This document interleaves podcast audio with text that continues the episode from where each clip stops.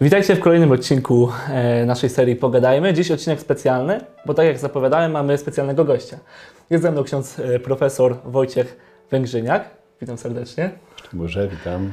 E, Witajcie. Który jest znanym i cenionym biblistą, czyli jak to dzisiaj na forum określił, osobą, która siedzi nad kartami Pisma Świętego i w tym Słowie Bożym szuka odpowiedzi. A my, chcąc odpowiedzi, mamy też parę pytań. W związku z czym e, chciałbym o parę rzeczy właśnie zapytać e, księdza. Pierwsza rzecz e, to może być taka rzecz, która e, wiele ludzi zaczynających czytać Pismo Święte może, może przerazić, może powodować pewnie niezrozumienie, czyli temat e, przedstawienia e, motywu Bożego gniewu.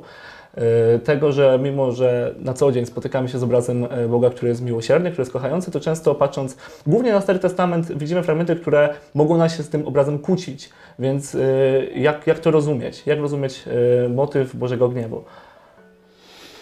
W 2006 roku miałem okazję spotkać się z papieżem Benedyktem XVI i zadać mu pytanie, co jest kluczem do czytania Pisma Świętego.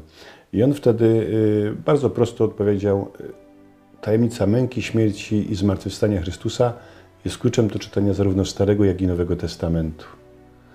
Y, Co to znaczy w praktyce? W praktyce patrzę na Pana Jezusa, który jest ukrzyżowany, mówię: Panie Jezu, to prawda, że Twój tata kazał zabić wszystkich ludzi i również dzieci? To prawda, że tak się gniewał? A Pan Jezus mówi, no co ty, popatrz na mnie. Popatrz na mnie, ja prędzej dam się zabić, niż po prostu się tak potraktuje ludzi. To, to czemu tak napisali w Starym Testamencie? No wszyscy tak pisali. Wszyscy wtedy tak pisali, że, że uważali, że jak Pan Bóg po prostu, y, jak naród zwycięża, jak odnosi sukces, no to dlatego, że Pan Bóg jest y, po ich stronie i jeżeli Pan Bóg pewne rzeczy robił w innych narodach, to w naszym podobnie. Y, No ale to nie lepiej było napisać inaczej albo poczekać. Nie, no co wy robicie z moimi dziećmi? Wy pozwalacie moim dzieciom mówić o, po polsku niewyraźnie, czy czekać aż się nauczą mówić wyraźnie? Nie, po prostu Stary Testament jest taką mową dziecka, które mówi o Panu Bogu, ale troszkę niepoprawnie, nie do końca właściwie. Dopiero przychodzi Pan Jezus i On jest obrazem Boga niewidzialnego, doskonałym i On nam opowiada, jaki jest Bóg. Więc muszę mieć taką świadomość, że w Starym Testamencie, jeśli czytam o Panu Bogu, to jest to bardziej przez taki pryzmat ludzi, którzy wtedy myśleli. No tak uważali, no, że, że Pan Bóg pewno się gniewa, że Pan Bóg pewno y, się złości, no i tak opisywali. Proszę sobie wyobrazić taką sytuację na Ukrainie. Ksiądz opowiada, pojechał do gospodyni ustalić sprawy związane z odpustem. e, No i chciał wejść do domu, ale mąż gospodyni go e, nie wpuścił i popchnął księdza, tak że się przewrócił na schodach. Tak się na tych schodach przewrócił, że go musieli zawieźć do szpitala. No ale Bogu dzięki nic się wielkiego nie stało, wrócił na plebanie, ale co się okazało? Za dwa czy za trzy tygodnie umarł mąż tej pani. I mówi ksiądz, nie idzie ludziom we wsi wytłumaczyć, że to nie jest kara Boża. Wszyscy są przekonani, Pan Bóg ukarał tego e, mężczyznę za to, że popnął księdza.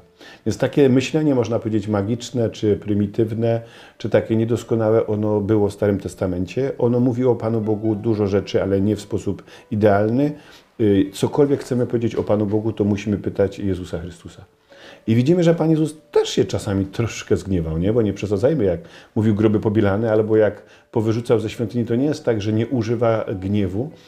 Używa tej emocji, jakby pokazać, e, że to jest rzecz szalenie ważna. My, my też nieraz, jak coś jest szalenie ważnego, no to, no to to używamy. No, gdyby ktoś wpadł do Twojego domu i, i chciał zniszczyć, nie wiem, e, zabić babcię, czy porwać dziecko, no to byśmy mu nie powiedzieli, o, możemy rozpocząć dialog i międzyludzki, tylko byśmy gościa chwycili za fraki i gniewem mu pokazali, gdzie jest jego miejsce.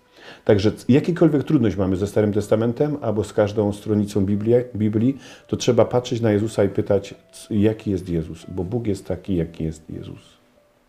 Dziękuję bardzo. E, Drugie pytanie, może trochę prostsze, może trochę bardziej podstawowe. E, Gdy patrzymy na Pismo Święte, widzimy e, opisy różnych historii i widzimy, że Ewangelia jest spisana cztery razy, tak? Przez czterech różnych autorów. I pytanie, dlaczego tak? Dlaczego nie ma jednej? bardzo fajne, bardzo to jest fajne, bo, bo to pokazuje tak zwaną różnorodność, konieczność różnorodności. Ja inaczej patrzę na, na świat, ktoś inaczej patrzy inaczej, nie dlatego, że jest daltonistą albo że jest krótkowidzem, ale dlatego, że, ma, że różne rzeczy zapamiętamy. Jeden zapamięta bardziej fakty, drugi emocje, jeszcze inny po prostu z, potrafi to wyrazić coś, co inny i dzięki temu mamy pewnego rodzaju uzupełnienie. uzupełnienie. Tak samo nawet jak opowiadamy jakiś kawał, czy, czy jakiś, jakąś anegdotę, to coś swojego dodajemy. I w ten sposób fajnie nam pokazuje Pismo Święte, że dobra nowina jako w sobie jest jedna, Pan Jezus jest jeden, ale sposób na Niego patrzenia jest troszeczkę inny. Inaczej opowiadają o Jezusie ci, co są w odnowie w Duchu Świętym, inaczej, ci, co są w, w Naukatechumenacie, jeszcze inaczej w KSM-ie, jeszcze inaczej mówią o, o nim biskupi, jeszcze inaczej małe dziecko, że to pokazuje tak zwaną różnorodność wyrażania się na temat tego samego Jezusa. A jak rozumieć rozbieżności między Ewangeliami, które gdzieś tam się e, właśnie pojawiają, nawet drobne? No, bardzo można rozumieć różnorodnie też. To znaczy, święty Augustyn mi się zawsze podoba w tej materii, bo on mówi, że w Piśmie Świętym jest wystarczająco jasnych punktów, żebyśmy wiedzieli, jak dojść do nieba i żyli na tym świecie zgodnie. Jest wystarczająco trudnych, żebyśmy całe życie mieli co robić. No, są takie trudności, których no, e, staramy się szukać, badamy, dyskutujemy. Dlaczego na przykład mm, w Ewangelii Łukasza czytamy coś takiego, jeśli ktoś e, nie ma w nienawiści ojca i matki, nie jest mi godzin. Czyli trzeba nienawidzić ojca i matkę, a Mateusz mówi, jeśli ktoś nie miłuje ojca, e, jeśli ktoś miłuje ojca lub matkę bardziej niż mnie, nie jest mnie godzin. Czy to jest rozbieżność? Nie. Widać, że oni inaczej patrzą. Jezus pewno powiedział, tak jak e, w stylu żydowskim jest, semickim było mówienie dosyć ostro, e, więc Jezus mówi, jeśli kto nie ma w nienawiści ojca i matki, nie jest mnie godzin. No i tak zapisuje Łukasz, a Mateusz jakby chcąc pokazać, e, no nie, wytłumaczmy o co chodzi. Więc nie o to chodzi, żeby mieć nienawiść ojca i matkę, ale żeby nie kochać bardziej niż Pana Jezusa, więc tłumaczy co do sensu. To tak jakby w języku polskim ktoś, ja bym powiedział, nie widziałem Cię ruski miesiąc, a ty teraz e, chcesz to przetłumaczyć komuś i mówisz, o, ksiądz kogoś nie widział bardzo długo.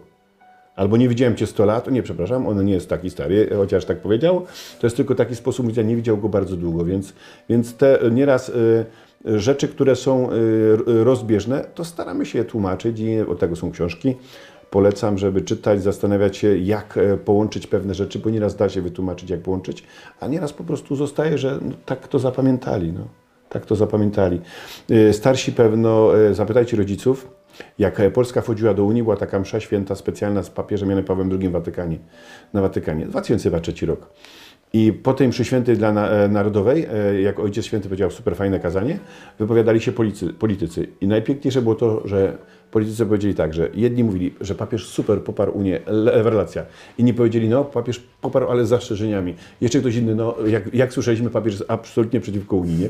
Więc po prostu to był taki świetny przykład, że możesz mieć ten sam tekst i ludzie różnie patrzą. I, i, i to też z Ewangelii też to może być, że ktoś zapamiętał taką godzinę, ktoś taką, a ktoś inaczej nawet zinterpretował.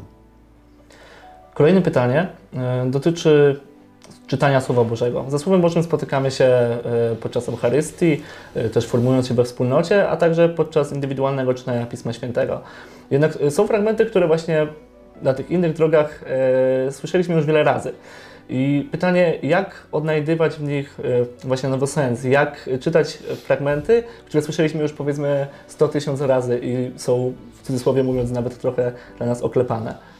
To trzeba zapytać starszych ludzi. Jak e, ciocia zmarła e, mojemu wujkowi, 60 lat mieszkali razem ze sobą, żyli małżeństwo. Już mają, on już ma ponad 80 lat, jak mu ciocia zmarła, to po roku jeszcze mówi z takimi łzami, mówi Wojtek, czemu jej tutaj nie ma? Gdyby chociaż była niepełnosprawna, to bym dotknął ją, żeby chociaż mógł dotknąć jej ciała.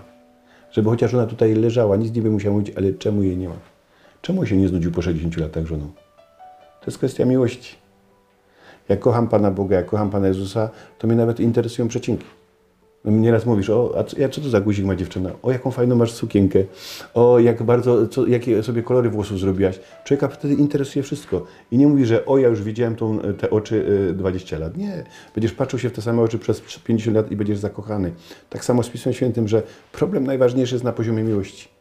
Ja kocham Pana Boga, to mnie nawet interesują w Izajasza w trzecim rozdziale. Tam jest chyba 25 określeń różnego rodzaju pierścionków, biżuterii, klejnotów. Ja nawet po polsku nie znam tyle e, określeń, e, żeby, żeby wytłumaczyć, co kobiety ubierają. Więc albo to kobieta napisała, bo nie wiem, czy Izajasz był taki obcykany w tych sprawach, więc y, to może kobieta napisała ten rozdział, albo w ogóle po prostu Izajaszowa żona mu wytłumaczyła, ale on się tym fascynuje, no bo, no bo właśnie co, no bo Bogu to fascynuje. Więc największy problem z Pismem Świętym to, żebyśmy pokochali Pana Boga.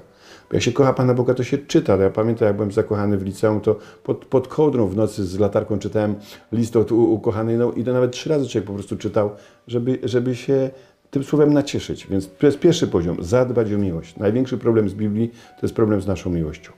A drugi problem, jak już po prostu kochamy i rzeczywiście chcemy poznać, no to wtedy szukać sobie pomocy. Są książki, są konferencje, są spotkania, no i wtedy próbować y, odnajdywać sens, znaczenie, bo ono jest, czasem to jest jakieś coś oklepanego. My na przykład, wydaje się nam, że już 100 razy tyle słyszeliśmy, ale się okaże, że jak człowiek przeczyta inne tłumaczenie, albo przeczyta jakiś komentarz, albo z kimś porozmawia na ten temat, to, no to wy, wyciągnie sens, który normalnie nie widział.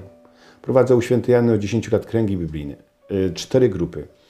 Co tydzień, oni mają raz na miesiąc, ja co tydzień, czyli cztery razy powtarzam ten sam fragment Pisma Świętego. I przecież przeczyta, przeczytałem Ewangelię Marka i w oryginale, po grecku i po polsku, pewno w życiu z 50 czy 100 razy. Jeszcze nie zdarzyło się spotkanie, żebym się czegoś nowego nie dowiedział. Albo żebym się nudził. Że ludzie są tak fantastyczni, że potrafią wyciągnąć z Pisma Świętego coś, co jest bardzo uderzające. Dlatego super jest czytać z kimś innym.